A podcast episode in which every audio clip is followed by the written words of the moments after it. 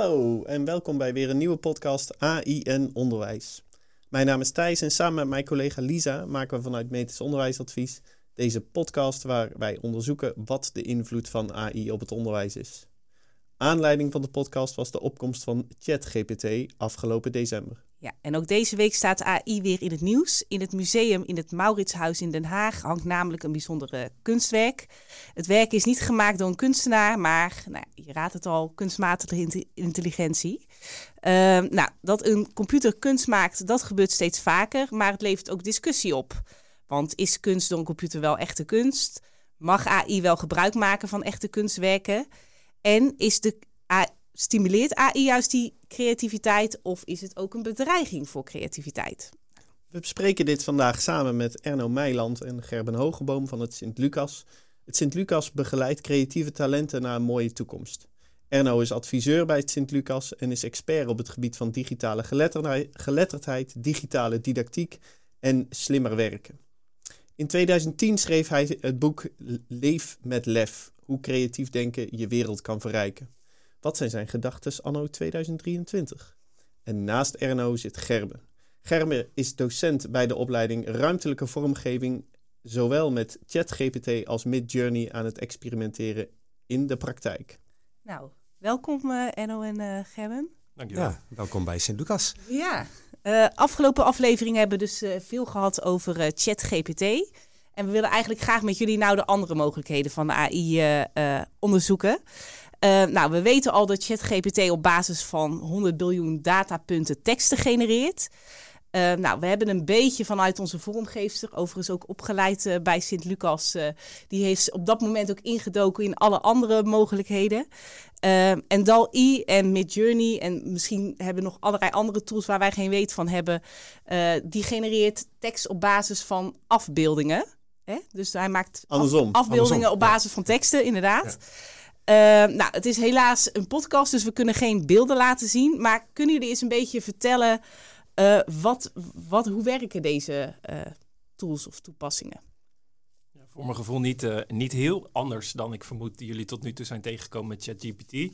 het gaat nog steeds om de prompt of het stukje tekst wat je ingeeft. En daar um, kun je goed in zijn, kun je niet goed in zijn. Het hangt heel erg af wat de kwaliteit van jouw prompt is, wat het resultaat ook is. Um, en uh, tot nu toe vind ik het een soort, uh, het is een soort ballenbak in, in, in uh, je gooit er wat in en er komt wat uit. Maar de, hetzelfde prompt, en dat zul je bij ChatGPT ook hebben gemerkt, kan compleet andere resultaten opleveren. Um, dus het is eigenlijk een soort van verrassingsmachine met beeld. Ja. ja ik geniet er wel van. Heel, heel eventjes voor de, voor, voor de luisteraar die nog nooit van, van het programma DAL-I heeft gehoord. Zou je eens kunnen beschrijven, Gerben, wat, wat, wat doet dat programma? Nou ja, het grappige is als ik het vergelijk met mijn, uh, met mijn kleine dochtertje van 3,5. Daar kan ik ook tekstprompts uh, tegen zeggen. En die maakt daar ook wat van in een kindertekening. alleen een DAL-I doet met de tekstprompts die ik mijn dochter geef, maakt hij meteen hele plaatjes, inclusief de juiste belichting. dus mijn, mijn achtergrond is productontwerp. En als ik er soms productontwerp uh, teksten in gooi, dan ben ik gewoon helemaal verrast door, wow, je, je pakt helemaal een bepaalde ontwerper uit een bepaald tijdperk. En ik zeg, maak daar een telefoon van in die stijl. Dan krijg ik gewoon een plaatje alsof ik het bijna in een uh, boek meteen kan verkopen of meteen online kan zetten. Uh, het is meteen een 3D-render qua beeld. Dus dat is, ja, dat is de basis. Ja. ja. Ik vond het wel grappig. Ik had ben een muziekquiz aan het organiseren en uh, ik heb nu een paar uh, DAL-I tekeningen in de muziekquiz uh, zitten. waarbij ik hem dus een, bijvoorbeeld een platenhoes in de stijl van ACDC, ik noem maar even iets, hè, een hardrockband, laat maken. Nou, er komt een plaatje uit en dan krijg je dus van, je ziet een platenhoes en het associeert op allerlei manieren met, met de, de die die band al eerder heeft uitgegeven. Maar het is toch iets anders, dus het, ja, dat geeft meteen een hele grappige eh, input voor een muziekquiz in dit geval. Eh, ja, en dan is de quiz van raad is van welke ja, band... Welke band uh, bedoelt Del-I met, met, dit, met deze plaathoes? Ja, en, en je hebt dus Del-I, je hebt Midjourney. Zitten daar veel verschillen in? Of... Jazeker, ja. Um, ik denk dat ChatGPT bijvoorbeeld is ook, die is er dus uitgesprongen in december als in die liepen voorop. En er zijn ook heel veel verschillende smaken van. Uh, en eigenlijk is het zo dat een, een DALL-E is voor mijn gevoel een beetje de, de instap of vrij conceptmatig. Hm. Er komen af en toe ook nog beelden uit dat je denkt, huh? dat is een beetje raar of een, een aparte associatie. Ehm, zo vroeg ik er laatst aan van, joh, ik wil een, een Scandinavische keuken met een vers gezette pot koffie op de tafel. met de zon die links opkomt, schijnende zon die opkomt door het raam heen. En toen kreeg ik ook associaties met dat hij zei: Oh, maar dan wil je misschien ook een koffiepot schilderij aan de muur.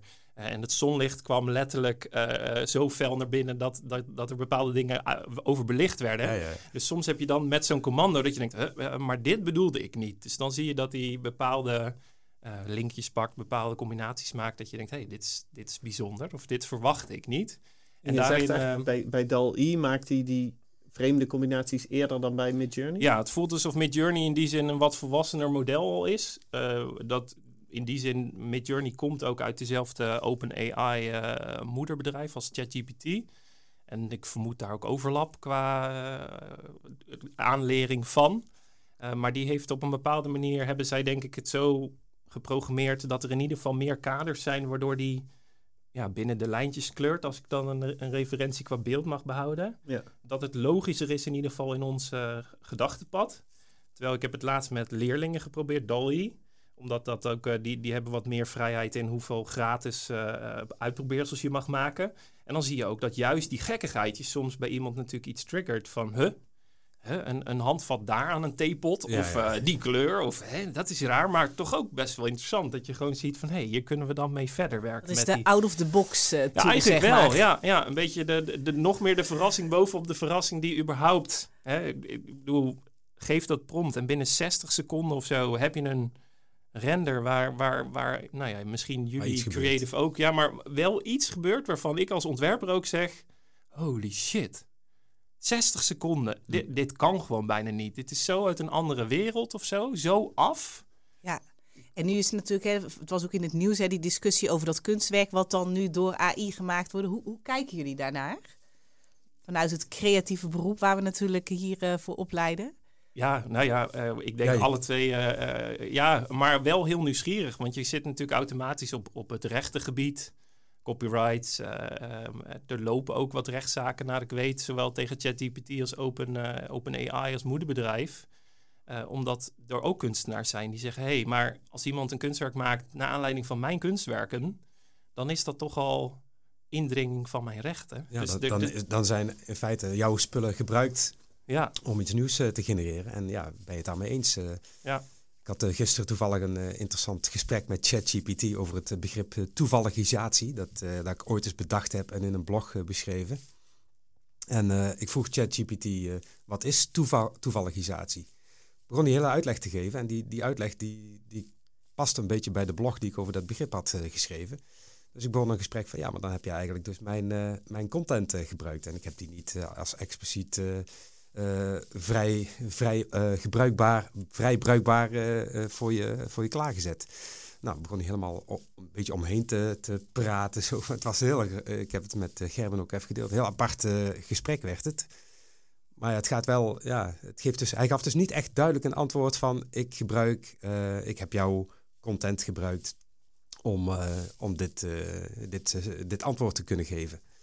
Ja, ehm, daar, zit, daar zit ook de, de, de black box. Hè? Ja, je, je, je, je vraagt er iets aan, vervolgens heb je, heb je eigenlijk geen idee waar dat hij zijn informatie vandaan haalt. En je, en je hebt een, een, uh, een uitkomst uh, daarin. Mm -hmm. uh, ja, en, en die black box is zelfs zo'n black box dat de mensen die het ooit hebben ingetikt en ontwerpen, die kunnen nu nog kaders toevoegen aan de moedercodering, maar deze machine gaat ook zijn eigen pad kiezen nu. Dus het is niet een A naar B, maar het is een voor een A in en het gaat naar C, D of E of misschien wel Q of X of een HTML of een andere taal. Maakt het ding allemaal niet uit. Dus hij kiest paden waarvan zelfs de ontwerper, die dus de code heeft ontworpen, nooit kan bedenken dat je via die route zou lopen.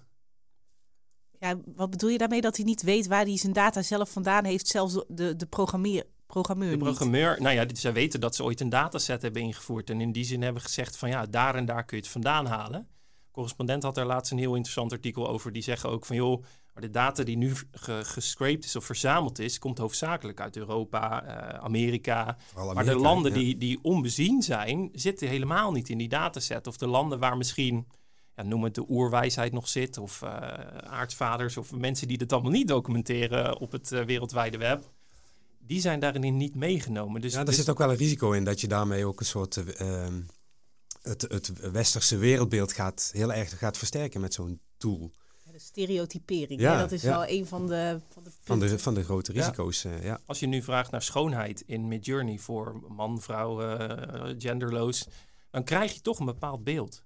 Vraag naar een oude man, dan krijg je ook een bepaald beeld uit. En dat beeld is wel, als je iedere keer hetzelfde prompt gebruikt, wel redelijk hetzelfde. Kijk, en dan krijg je dus een soort ja repetitie, repetitie. Een soort loop die zichzelf versterkt. misschien. Ja, maar die ik wel in het, in het eh, ruimtelijk vormgeefvak herken vanuit bijvoorbeeld een, eh, eh, een, een, wat Pinterest heel lang wat is gebeurd. Eerst waren er heel veel landen met allemaal hun eigen vormgeeftaal. En Scandinavië was echt anders dan een Istanbul. En als je nu ziet dat, dat Pinterest in die zin heel erg ons vormgevingsbeeld vervlakt en samenvoegt, dan vinden we eigenlijk steeds meer hetzelfde ook allemaal mooi. Dus er is al heel lang een soort van eh, melange gaande die, die dus een soortzelfde vormgeeftaal bij iedereen activeert. Dat een IKEA wereldwijd kan floreren is ook omdat we dus toch met heel veel overlap denken, hé, hey, dat is, vind ik eigenlijk best mooi. Ja, en- en een interessante vraag voor, eh, voor het onderwijs en onze studenten is dan natuurlijk van hoe zorg je er dan voor dat die studenten eh, echt nog dat out of the box, echt die, die, die unieke inbreng eh, kunnen, kunnen geven in, eh, in hun ontwerpen en in, wat ze maken. Eh, Dat, dat vind ik wel een uitdaging, want het leidt ook tot, tot een soort creatieve luiheid eigenlijk, dit, dit soort systemen.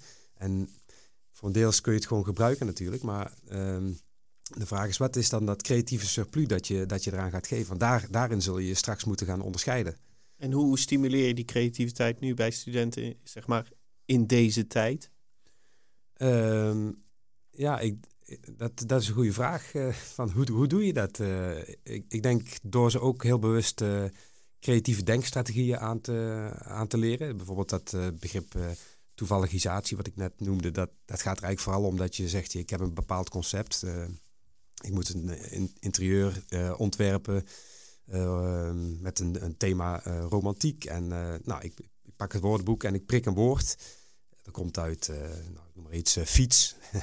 en eh, ik, ik word gedwongen eh, op een creatieve manier dat, dat begrip te koppelen aan mijn ontwerp. Kan ik, kan ik dat begrip, dan, dan ben je dus echt creatief eh, aan het denken. Los van alle input die je al mee, mee hebt, hebt gekregen. Dus het bewust, bewust worden van hoe werkt creativiteit, welke technieken, creatieve denktechnieken zijn er. Ook zo'n zo'n creatieve denktechniek is om bijvoorbeeld incubatietijd los of incubatietijd te pakken. Dus dat je als je een idee hebt, eh, niet meteen doorgaat om het al eh, te gaan maken. Maar juist eh, heel bewust even afstand nemen, rust pakken, een nachtje erover slapen, bij wijze van spreken. Dat, dat is ook zo'n techniek die kan helpen om echt nog creatief te zijn. En daar zijn studenten zich denk ik nog te weinig van bewust hoe die technieken werken, hoe creativiteit werkt. Ja, want dit is wel juist eigenlijk het mooie voorbeeld. Jij zegt net al, in 60 seconden ben ik verbaasd waar die mee komt. Hmm. Nou ja, als we het hebben over tijd pakken en eens even eh, kijken, dat dan...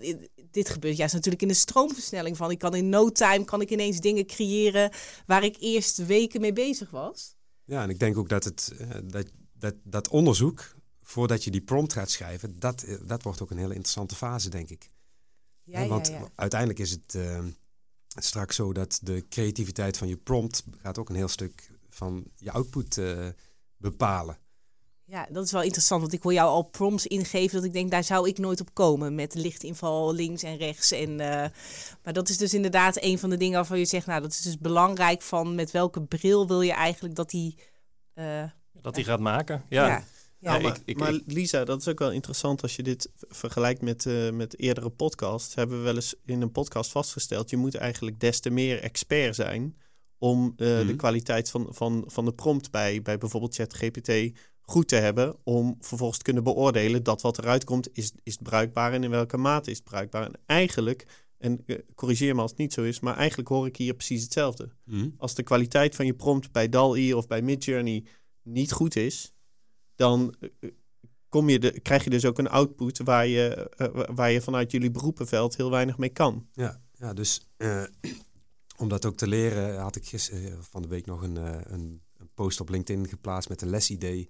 Hoe je dat zou kunnen, eh, ja, concreet zou kunnen maken in je onderwijs. is dat je bijvoorbeeld uh, je studenten geef je een, een creatieve tekst, een column of een, of een gedicht of, of wat dan ook. En uh, laat ze dan, dus je draait het eigenlijk om, laat ze dan bij dat eindproduct een prompt bedenken die als resultaat, zo, waarvan het resultaat zo dicht mogelijk bij die, bij die aangereikte tekst komt. Um, want dan worden ze dus gedwongen om, ja, om heel goed na te denken van wat, wat moet ik nou die, die, die... Wat is de kern achter deze tekst? Ja, wat is de kern achter dit plaatje? Ja, of, ja. ja. ja of als je het onderwijskundig bekijkt, wat zijn eigenlijk de succescriteria om tot het eindproduct uh, te komen? Ja, ja. Oh, mooi. Want, want zou zeg maar dat het meisje met de parel, denk ik, oké, zou ik ook in zo'n museum komen? Of, of is, de, hè, is diegene die dus dit uh, ontworpen heeft, is hij zo goed in die prompts geven? Of is gewoon, nou ja, Mid-Journey in dit geval volgens mij... Of, of is er heel vaak een prompt ingegeven totdat er een Tot het resultaat naar, naar wens was, ja. Ja. Nou ja. het interessante is, de ChatGPT en Midjourney hebben alle, alle twee de mogelijkheid om ook op het moment dat een prompt is geweest, om daar nog weer op door te veranderen. Hmm. Dus hij genereert het meisje van de parel en dan zeg je nee, de parel moet, moet links uh, onderin uitgelijnd ja, of moet zijn. licht geven. Hè, of, of moet licht geven. Of uh, zet hem in de zonsopkomst in plaats van zonsondergang qua kleurtemperatuur. Heel ander beeld. Um, dus je kan ook doorwerken met het beeld wat je terugkrijgt. Um, en wat jij zegt, inderdaad, hoe, hoe, specifieker je prompt ook is.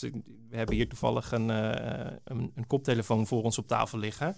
Als ik dit helemaal ga omschrijven met alle detailtjes van er zit op links een geel knopje met een lettertje erop. Uh, het is glanzend plastic. Hoe gedetailleerder ik daarin ben, hoe beter het eindresultaat. Dus op een bepaalde manier, wat jij zegt, dat backward uh, engineeren eigenlijk, zeg maar, is, um, is, is, is überhaupt voor onze leerlingen, uh, denk ik, een, een, een hele goede oefening, zeg maar. Om, omschrijf nou eens echt sec wat je ziet in de wereld om jou heen. En daar heb je inderdaad wel wat jij ook zegt qua de historie die je meeneemt. Ik denk wel dat een goede ontwerper weet wat er al is om zich heen. En dat je dus ook zegt, joh, we staan op schouders van, van reuzen. En ik weet bijvoorbeeld van dit, dit is geïnspireerd op uh, Brown of dit is geïnspireerd op, op bedrijf X of op designer dit. En als je die prompt vergeet in te geven of je hebt die kennis niet meer of dat fundament niet meer, ja, dan ben je dus een soort, voor mijn gevoel, hagel aan het schieten. Ja, dus goed observeren eigenlijk dat ze leren en daarnaast ook nog weten wat zijn kunstenaars waar je eventueel die kunt gebruiken om nou ja, goede output te creëren. Ja. En jij bent zelf dus docent. Hoe ben jij hier nu mee aan de slag met uh, deze ontwikkelingen in het onderwijs? Uh, ja, heel nieuwsgierig sowieso, zeg maar. Qua uh, kom maar door. Het voelt voor mij als een, als een gereedschap. Dus nee, we, we, hebben van alles. Ik geef ook het, het vak basisvaardigheden. Ja, daar leren we nog steeds om gewoon met een, met een Stanley mesje schuim op een bepaalde manier te snijden voor een model. Um, dus, dus heel erg het ambacht en terug naar het kleine. Uh, en juist innovatie in die snelheid uh, is bijvoorbeeld AI nu natuurlijk interessant. En ehm, ik ervaar wel dat ik ook binnen Sint-Lucas dat, dat, het, dat het een open speeltuin is in die zin dat ik dit, ik verweef dit nu al in de les. Dus we zijn nu, we hebben weer een nieuw productopdracht om, om een drager te maken met minimaal drie functies erin functies die, die de student zelf ingeeft. Nou, ik vond het al heerlijk. Ik heb vorige, voor de vakantie heb ik gezegd, nou jongens, dit is DAL-I. Je hebt uh, eh, 50 gratis renders. Hoef je nog niet te betalen. Dan halen we de drempel even naar beneden. Um, gooi eens je product erin met een materiaaleigenschap, die drie functies die je voor ogen hebt. En we, we, gaan op reis met de student. Dus de student maakt een reisproduct of een drager. Um, het liefst voor ons gevoel geen tas. Of, en dus je kan ook zeggen wat je niet wil aan Midjourney. Dus je zegt niet dit en dit, niet dat en dat. Dus dan gaat hij dat proberen te mijden. Um, en dan laat je maar verrassen wat eruit komt. En dan, dan krijg je uh, avocado, uh, avocado's in een, in een soort meeneemdoosje waar dan weer een whiskyflesje in zat. Of uh, riemen met lichtgevende strepen erin. Er zijn er allemaal dingetjes voorbij gekomen dat je ook echt denkt, ah ja. En is het dan zo dat, dat um, Midjourney de creativiteit stimuleert van je studenten hierin al? Of? Ja, het is tweeledig. Eh, en de, dezelfde creativiteitsaanvuring uh, merkte ik ook bij Pinterest bijvoorbeeld. Is, is dat aan de ene kant is het een soort wow-factor van wauw, dit bestaat allemaal en dit is ooit gemaakt.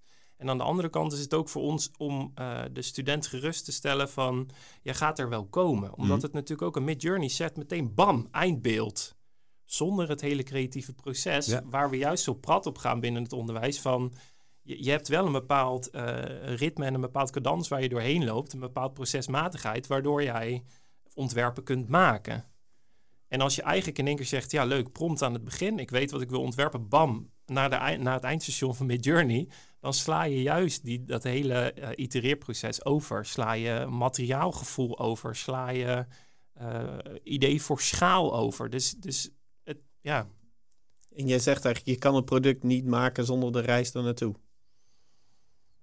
Nou, je kan het wel maken, denk ik. Als in die, de renders die Midjourney maakt, zou je ook, uh, als je daar nu naar de maker stapt in de buitenwereld en je zegt gewoon doe dit, maak dit, dan, dan is het wel allemaal maakbaar. Maar um, Midjourney calculeert niet jouw eind, eindgebruiker in, calculeert niet uh, bepaalde, je eisen wensen zou je er misschien nog in kunnen verweven. Maar uh, uh, als maker nu, hè, wij, wij, maken ook heel veel ruimtelijk werk. Dus dat is misschien nog verschil op, op het platte doek of een, een, een LP-hoes, zeg maar. Het ruimtelijk werk, voor mijn gevoel heb je daar wel echt... Uh, ik als ontwerper grijp bijna overal altijd alles vast. Materiaaltjes, oh, dit is veel te interessant. Oh, hoe zit het eigenlijk vastgemaakt aan elkaar? Waarom wiebelt dit wel of niet? Waarom glanst dit? Um, dus die, die onderzoekende houding, voor mijn gevoel zit dat het stukje tactiliteit en het in de wereld staan dat blijft van de ontwerper zelf. Dat kunnen wij als mensen alleen maar ervaren, voor mijn ja, gevoel. Ja. Dat kun je niet overlaten aan, aan een machine. Aan een artificieel uh, in, intelligentie. Maar dan zit ik mezelf in te beelden van... oké, ik ben student en ik krijg van dat soort prachtige prompts... dan kan ik toch wel veel sneller dingen... dan ga ik veel sneller door dat proces heen. Dat kan ik zeker. Ja. Ja, ja de vraag is alleen of je met die snelheid... niet ook heel veel uh, beleving uh, weg, weg Verliest. poetst, hè? Ja. ja. En dat de creativiteit wellicht ook uh, um, nou ja, minder nodig is. Ja, nou ja, wat ik, wat ik wel, uh, ik geef dan ook af en toe nog wel uh, lessen Nederlands. Wat, wat ik met, met studenten gedaan heb, is om ook te kijken hoe je dan, als je een, een, tekst laat maken, het ging dan om profielteksten. die kun je natuurlijk prima met een aantal prompts laten maken door je, door je studenten. Maar dan om dan een opdracht te geven van, dit is wat, wat je nu krijgt. als het gaat om teksten, dan vind ik zelf in ieder geval uh, wat er uit ChatGPT komt vrij oppervlakkig en vrij saai en droog. Uh, om dan nog een keer een, die, die persoonlijke slag eroverheen te laten gaan. Van maak het nou eens, maak het nou eens echt van jou. Uh, door er nog een paar elementen aan, aan toe te voegen, door iets weg te halen. Dus die fine-tuning, die echte creatieve fine-tuning, door dat ook in je opdrachten mee, mee te nemen. Dus prima dat je, dat je ChatGPT gebruikt om, of, of met Journey om een, een start iets te hebben, maar laat het daar niet stoppen dan bij dat, uh, bij dat product wat je dan krijgt uh, voorgeschoteld. Ja, dus, dus juist die creatieve denkvaardigheden op basis van die basis eigenlijk die gecreëerd wordt, daarop voortborduren. Ja, ook, ook omdat, uh, en dat is dan misschien wat meer het, het beroepsperspectief voor, voor onze studenten. Kijk, als jij uiteindelijk iets laat maken door, door een AI-generator, um, als, als je het daarbij houdt, dan kan iedere consument kan dat straks ook. En uh, dan ben jij eigenlijk niet meer nodig. Uh, die, die, uh, hetzelfde heb je een beetje gezien bij, bij de opkomst van de, van de digitale fotografie, waarbij eigenlijk iedere amateur ook fantastische foto's kon, kon maken. Fantastisch tussen, tussen aanhalingstekens. dus de professionele fotograaf die moest nog beter zijn best doen om zich te onderscheiden van wat een uh, ja, wat een amateur met een, met een camera kon. En ik denk dat dat principe, dat ga je nu ook terugzien in de toekomst uh, voor, uh, voor, als je het hebt over ruimtelijk vormgeven of, of de andere creatieve beroepen. Expertise wordt belangrijker. Ja, ex maar expertise, maar ook creativiteit dus. Hè? Dus dat je echt die, ja, die, de echte creativiteit nog toevoegt aan wat je aan kant-en-klare eindproduct krijgt vanuit generatieve AI. Ja, want um, deze ontwikkeling bespraken wij met onze vormgeesten, waar we overigens opgeleid als Sint-Lucas super blij mee zijn. Het is mm. echt een topper. Uh, maar zij zei, ja, ik denk over een aantal jaren hebben jullie mij wellicht helemaal niet meer nodig. Dan kunnen jullie zelf gewoon flyers opmaken, uh, dingen. Uh, wij doen heel vaak ook proberen een concept of een idee beelden te maken. Hoe, hoe zien jullie dat? Nou ja, een heel, heel eenvoudig voorbeeld is dat je ehm, je kunt aan generatieve AI kun je de opdracht geven van bedenk een logo voor mijn, uh, voor mijn bedrijf. Uh, nou, dit is zo'n beetje mijn bedrijf, dit is onze visie, kernwaarden. Nou, stop het er allemaal maar in. en je krijgt een logo. Maar ga je dan dat logo meteen gebruiken? Of ga je dan zeggen van, nou nee, we eigenlijk toch wel eh, een klein beetje meer rond daar. En eh, iets, iets meer van die en die kleur. En dus dat je het gebruikt als een soort, eh, ja, Outline, vertrek- vertrekpunt eigenlijk. eh, waarbij je wel al een stukje vooruit geholpen bent. Nou, het is, het- ik, denk, ik denk dat het ook ehm, voor mij vooral voelt als een, als een medeplichtige in het brainstormproces. Dus je zit nog best wel vooraan in het proces. En ik ben wel heel nieuwsgierig hoor. Want, want als je natuurlijk ziet met wat voor rap tempo eh, het model nu beter wordt. ehm, voor hetzelfde geld kan je wel over een jaar vragen. Maak meteen ook de 3D-bestanden van een product die ik naar eh, een maker kan zenden in het buitenland en ik wil er duizend van terug hebben. Ik, ik weet ook niet hoe snel dat gaat. Ik heb wel het gevoel dat we aan een soort vooravond staan van what's to come of zo. Ja, ja. Qua dit, dit is de, de tip of the iceberg. Zeg Ja, maar. wat- Die hier wat- mogen wij als, als, als consument leuk mee spelen. En ChatGPT bouwt lekker door en verzamelt nu natuurlijk bakken met data. Ook, ook van, eh, hoe, van de prompts die wij Ja, geven dit- natuurlijk. ja, hè? Dus precies. ja, en en, en gaan, gaan prompts bijvoorbeeld, eh, dacht ik net, gaan die op een gegeven moment ook niet juist visueler worden? Dus dat je Mhm. gewoon zegt, joh, ik ben ruimtelijk vormgever. Geef mij eens eh, plaatjes van alle producten uit de historie. Ehm, dus dat, hij het ook, dat, dat, we met taal, dat we eigenlijk met beeldtaal gaan praten in Ja, plaats of- van met, met taaltaal. Of je maakt foto's van een bepaalde ruimte die je opnieuw wilt, Inrichten. wilt inrichten. En eh, die stop je erin en Ja. eh, maak, er maar een, eh, Ja. maak er maar een mooi design met, eh, weet ik wat, eh, bepaalde stijl. Hè, rom- romantisch, ik noem maar even iets. Ja. Eh, richt het maar in en eh, eh, draai meteen even een bestellijst eh, eh, uit. Sterker nog, eh, doe meteen be- de bestellingen voor me. Ja. Nou ja, Voor dit budget. ja hè? precies. Ja. Hè, hoe, ver, Ja. hoe, hoe ver kun je gaan? eh? Ja. Is dat, eh, is dat de nabije toekomst, denk je? Nou, sterker nog, ik weet dat AI nu al bruikbaar is om eh, vloerplannen eh, in te richten. Waarbij je dus gewoon zegt, dit is mijn, eh, dit is mijn keuken, dit is mijn woonkamer. Eh, dit zijn de meubels van bovenaf die ik daarin wil hebben zitten. En dan zeg je gewoon genereer de, de- het keukenopzet bijvoorbeeld met de minste loopafstand tussen de vaatwasser en mijn spoelbak. En Ja, eigenlijk alles ja. wat nu al wordt gedaan binnen de keukenwereld. De- als ik terugkom op jouw vraag van hoe zit, hoe zit de creative daar in, in binnen nu en, en tien jaar in, dan denk ik dat er heel veel uit te besteden is aan AI. Maar het wordt bijna eerder een, een, een maatje en, nou ja, zoals ik zei, echt een gereedschap wat we ook moeten leren kennen. Net als dat een timmerman heeft moeten leren werken met eh, eh, een bepaald gereedschap totdat hij het goed in de vingers heeft. Ik denk dat dat hierbij ook is. Ja, en, en dan een andere invalshoek, hè, die je ook wel hoort, dat hele eh, fake news. Hè, dat, je ziet soms filmpjes, nou, ik had het gisteren nog met Thijs over, dan zie je soms op Instagram van die filmpjes voorbij komen dat je denkt, dit is echt niet echt een, een of andere vieze kwal die op een, op, op, op, een paal zit. Dat je denkt, dat is allemaal volgens mij gewoon nep gemaakt. Ehm, gisteren zag ik weer een filmpje van iemand die, nou ja, er helemaal gelikt uitziet en dan vervolgens verdwijnt dat beeld en zegt, dit zie ik er in realiteit uit. Dat is denk ik ook wel een ontwikkeling waar heel veel studenten mee te maken gaan Ja, krijgen. nou, van, Ja, ik, ik zou het heel, heel eh, eh, belangrijk vinden. Je hebt natuurlijk eh, bijvoorbeeld dat Creative Commons eh, verhaal met al die CC BY en weet ik wat, al die, eh, al die coderingen. Het zou heel mooi zijn als dit voor AI ook eh, komt. Ja, wat dat- wat, dat wat je- bedoel je? Want, Nou, dat je dus eigenlijk bij een, eh, een product altijd aangeeft, bij een tekst aangeeft, dit is eh, door een mens gemaakt, dit is eh, eh, AI-assisted eh, gemaakt of dit is volledig door eh, AI gemaakt. Dat je dit als eh, consument van die informatie, van dat beeld, eh, dat, je dat, eh, ja, dat je daar gewoon het eerlijke verhaal bij krijgt. Is het ook niet zo met afbeeldingen dat dat makkelijker is? Omdat je kunt zien waar pixels vandaan komen of, of werkt dat niet? Nee, zo? ja, ja, en toevallig een artikel over gelezen die ook zei... zelfs als je Google die, die zelf afbeeldingen kan zoeken... Hè, of er copyright in zit of, of al eerder gemaakt zijn... alles wat ik met AI genereer tot nu toe... vindt niet referenties aan wat er al bestaat binnen de Google-database. Het zegt voor mij genoeg. Als Google het al niet meer kan vinden waar het vandaan komt... Hmm. op pixelniveau... ja, wij ook niet dan meer, denk ik. Dus ja... Maar dat, dat is denk ik waar nu ook de, de, de hele rechtenschending... eh, Midjourney zet ook op zijn website van... eigenlijk maken we het zo versplinterd... halen we zulke kleine beetjes overal vandaan... dat het ook niet meer te traceren is.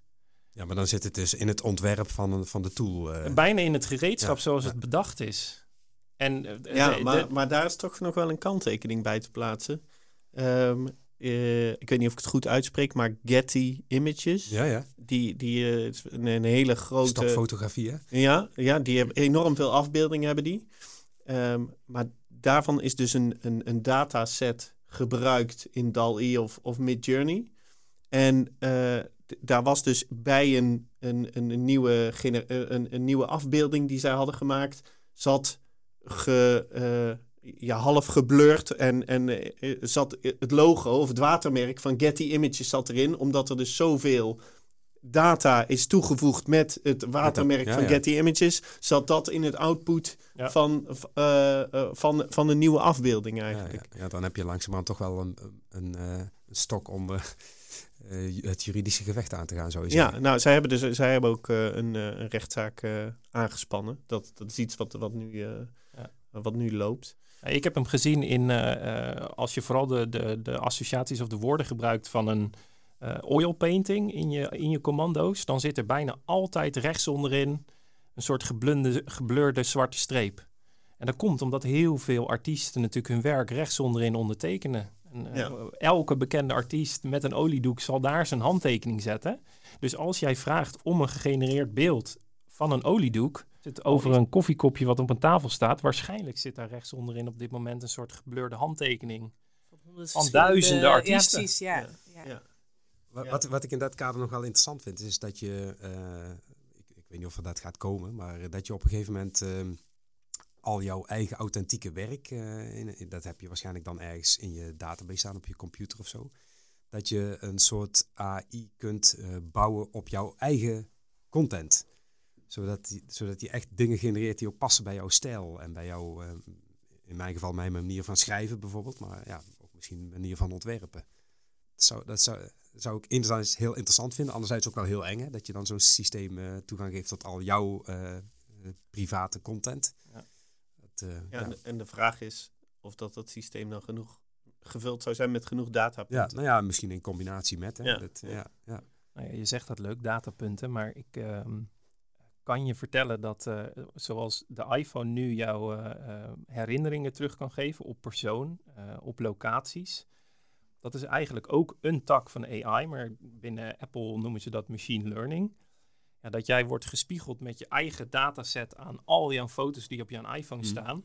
Die processen dat lokaal, dus die zeggen inderdaad ook van, nou, ik pak jouw hele dataset en hier zijn al jouw foto's van de afgelopen drie jaar van jouw dochter. Is eigenlijk ook al machine learning, is AI. Ja, ja. Dus heel veel consumenten, we gebruiken het eigenlijk al. Um, de foto's die je neemt met een iPhone zijn ook gemachine learned qua hoe belicht ik dat het snelst binnen die split second dat het licht naar binnen valt. Dus die geautomatiseerdheid, stiekem zit het al in heel veel dingen. Ja, maar mensen vinden maar als het dan ook nog generatief wordt, hè? dus dat je zegt van ik wil, uh, ik ben een... Mijn dochter over zoveel jaar of ik, zo, Ik zeg wil eigenlijk maar, een, uh, fotoreportage dat ik in uh, oh, Zuid-Amerika ben geweest, maar ik ben er helemaal niet geweest. Maar ja. Op basis van de kleren die ik dan op, op mijn vakantiefoto's aan had en, uh, enzovoort. Ja, de juiste zonstand op die en die datum, ja, ja, op, op, dat meer. Ja. Um, ik, ik, wil, ik wil heel even, uh, even, even een stapje terug doen. We hebben uh, die DAL-E en Midjourney, die zijn er nu een, een paar maanden dat, dat het zo gebruikt wordt. Eigenlijk in het gesprek wat we het afgelopen half uur hebben gevoerd, geeft eigenlijk aan dat, dat we aan het begin staan van, van een hele grote verandering. Jij zei dat, dat net ook dat betekent ook iets voor je, je opleiding en je onderwijs. Verandert het, het Sint-Lucas, of wordt het Sint-Lucas nu gedwongen om sneller te veranderen dan ooit? Of, of, of uh, verandert er in de uitgangspunten eigenlijk niet zoveel? Goeie vraag. Ik denk uh, um, waar we natuurlijk van, zeker bij de bij opleiding als ruimtelijk vormgeven, uh, sterk in zijn, zijn ook zeg maar het, het fysieke maken. Dat is iets wat natuurlijk ja, wat blijft en wat uh, ook belangrijke vaardigheden zijn. Maar ik denk als, als je het hebt over dat creatieve proces, dat je echt wel wat, wat ingrepen, we hebben er al een paar genoemd ook uh, tot nu toe, dat je echt wel wat ingrepen zou moeten gaan uh, bedenken, ontwerpen. Dus hoe ga je nou eigenlijk om met dat hele ethische vraagstuk? Nou ja, ik weet sowieso dat het in burgerschap, een van de vakken die ook wordt gegeven, Um, dat daar wel aandacht wordt gegeven in waar haal je je beeldmateriaal vandaan en doe je aan bronvermelding. Dat is ook in de... de digitale geletterdheid. Uh, ja, precies. Ja. ja. dus, dus daar wel. Um, Informatievaardigheden. En, en, en, tegelijkertijd gaat de wereld zo snel. Uh, ik, ik, ik, heb in, in mijn studie heb ik, heb ik een paar weken in China gezeten. Um, als je het hebt over copyright, die zeiden that's the right to copy. Eh, want als wij snel genoeg zijn met kopiëren, en daar reden gewoon eh, auto's rond dat je dacht dat is de nieuwste BMW. Dat was dan het BMW-snoetje geplakt op een Chinees automerk. En die kopieerden dat zo snel dat ze al geld hadden verdiend met al die auto's verkopen. Dat ze de boetes en alle clausules en alle gerechtelijke dingen die ze om de hoek kregen, konden afbetalen met de winst die ze hadden gemaakt met het snoetje van BMW erop. Dus er is ook een soort. Ik denk dat inderdaad het hele ethische vraagstuk nu ook met de Midjourney. Het draait al volle stoom. Er komt witte rook uit alsof het niks is. We krijgen best wel vaak natuurlijk ook de melding van: oh, we zitten even helemaal dicht. Er komen te veel prompts onze kant op de dingen die nu worden gegenereerd zijn al niet meer copyright achterhaalbaar of zo, zeg maar. Die zijn al gemaakt. Dus in die zin zou je bijna zeggen, daar zit alweer copyright op van degene die dat samen met AI heeft gemaakt als ondertitel. Dus het gaat ook heel snel. Ja, dat betekent dat je als, uh, als opleiding uh, op dit moment denk ik vooral nog moet gaan experimenteren met werkvormen, met uh, andere manier van lesgeven, andere onderwerpen ook. Hè. Bijvoorbeeld het hele stukje van echt het aanleren van creatieve denktechnieken bijvoorbeeld. Ik denk dat dat een hele krachtige kan zijn. Um, ja, en er zit denk ik ook bij mij überhaupt wel iets hoor. Want als ik, ik heb natuurlijk al een paar keer het schoolvoorbeeld Pinterest erbij gehaald. Dat is natuurlijk ook al heel lang als inspiratiebibliotheek aanwezig. Dus mm. voor mijn gevoel zit er qua Midjourney dan een overlap in dat het nog steeds op die manier gebruikt kan worden. Beeld ter inspiratie. Um, het wordt natuurlijk een ander verhaal op het moment dat je daadwerkelijk met die beelden naar buiten gaat komen. Als in dit is mijn product, zo heb ik het ontworpen. Ehm, dus dus in, ik, ik merk dat er wel wat ruimte is in de spielerij gewoon op onze, onze vloer hier als in op school. En, en op het moment dat het natuurlijk de echte wereld ingaat, of dat jij als ontwerper dat gaat doen. En daar zie ik denk ik ook wel, uh, veel van mijn oud-studiegenoten zijn nu industrieel ontwerpers. Die zijn ook wel aan het zoeken van, ja maar wacht even, hoe, hoe werkt dit nu in, in het echi? En wanneer is het van mij? En, wanneer, is het van mij? En wanneer is het dus van Midjourney of van AI? En, en heeft die entiteit dan dus een soort copyright mogelijkheid? Wat jij ook al zei van, uh, is dat dan ondertiteld? En ik denk dat dat eigenlijk zo snel gaat dat we de vraag stellen en tegelijkertijd wordt er al zoveel gegenereerd wat de oplossing daar nog niet voor heeft. Ja. Ja, en ik denk, dat, denk wat dat betreft dat het ook heel interessant is om met studenten zelf ook dit gesprek uh, ja. te, te hebben. Hè, van wat, uh, wat, wat, denken jullie nou van, uh, van deze hele ontwikkeling? En wat betekent het voor jullie? hoe kijk je dan dat je straks het beroepenveld ingaat? En, en wat heb je dan nodig? En wat moet je hier dan van weten? En ja. wat heeft het voor impact op jouw manier van werken? Dus, en eigenlijk gezamenlijk dat ethisch kompas ontwikkelen. Ja, ja, ja. Ja, wij zelf ook. Hè. Eigenlijk, het, het, het is een soort uh, let's find out together. Qua we moeten dit samen doen. En dat, dat gebeurt bijna nooit meer natuurlijk. De technologie was er altijd al, is gewoon een gegeven en wij doseren dat. En nu staan we bijna parallel aan die leerling met... Wow, dit is echt even anders jongens. Dit kunnen we, we zijn het niet meer voor. En dat is niet erg hè. Ik bedoel, dat is heerlijk vind ik om in te zitten qua wendbaarheid. Um, maar ja, je moet het inderdaad dan samen aangaan. Ehm, en samen experimenteren. Ik weet dat uh, redelijk wat van mijn uh, eerstejaarsdocenten nu, die zijn samen met mij ook lesplannen gewoon door ChatGPT laten opzetten. Maak een mooie les over onderwerp X. Welke punten zitten er allemaal in? Hoe werkt dat dan? En dan zit je op een gegeven moment, hmm, oké, dit is best een slimme opbouw. Geef me 15 werkvormen om dit over te brengen. En je bent er. Dus het is ook wij zijn er zelf ook vol mee aan het experimenteren. En, en wat heb je er wel aan, wat niet. Um, ja, en ook dat gesprek met studenten al aan het voeren. Hè. Ik had een heel grappig uh, gesprek met uh, vierdejaars studenten uh, voor Nederlands bij ruimtelijk vormgeven. En toen vroeg een van die leerlingen, vroeg, of studenten, die vroeg aan mij van... ja meneer, als ik dan een schrijfopdracht van u krijg en ik, ik lever die in... maar die, die heb ik helemaal met ChatGPT gemaakt. Wat, wat, gaat u dan doen? zeg, ja, dan eh, ga ik dat in ChatGPT zetten. En dan zet ik erbij van, geef deze student drie stukjes feedback. En volgens mij hoef jij dan bijna niks te doen, hoef ik bijna niks te doen. Kunnen we gewoon gezellig koffie gaan drinken in plaats van, van lessen Nederlands gaan volgen. Dus dat nou, was wel een, een grappig moment. Ja. Nou, de, de, titel van deze aflevering is, is AI, het creatieve brein van de toekomst. Eigenlijk weten we het nog niet, maar we weten in ieder geval wel dat de ontwikkelingen uh, super snel gaan. Jullie uh, zijn er in ieder geval samen met studenten op onderzoek uit van hoe gaat dit het, het creatieve beroep beïnvloeden. Maar ook hoe kunnen we creativiteit in de lessen nog stimuleren. En eh, volgens mij hebben we ook een aantal mooie voorbeelden voorbij zien komen hoe je die creativiteit ook in deze tijd uh, stimuleren. Um, Zeker. Hartelijk dank voor het mooie gesprek wat we met elkaar hebben gehad. We hebben voor jullie nog een prachtige bos bloemen. Hartelijk dank en tot de volgende keer.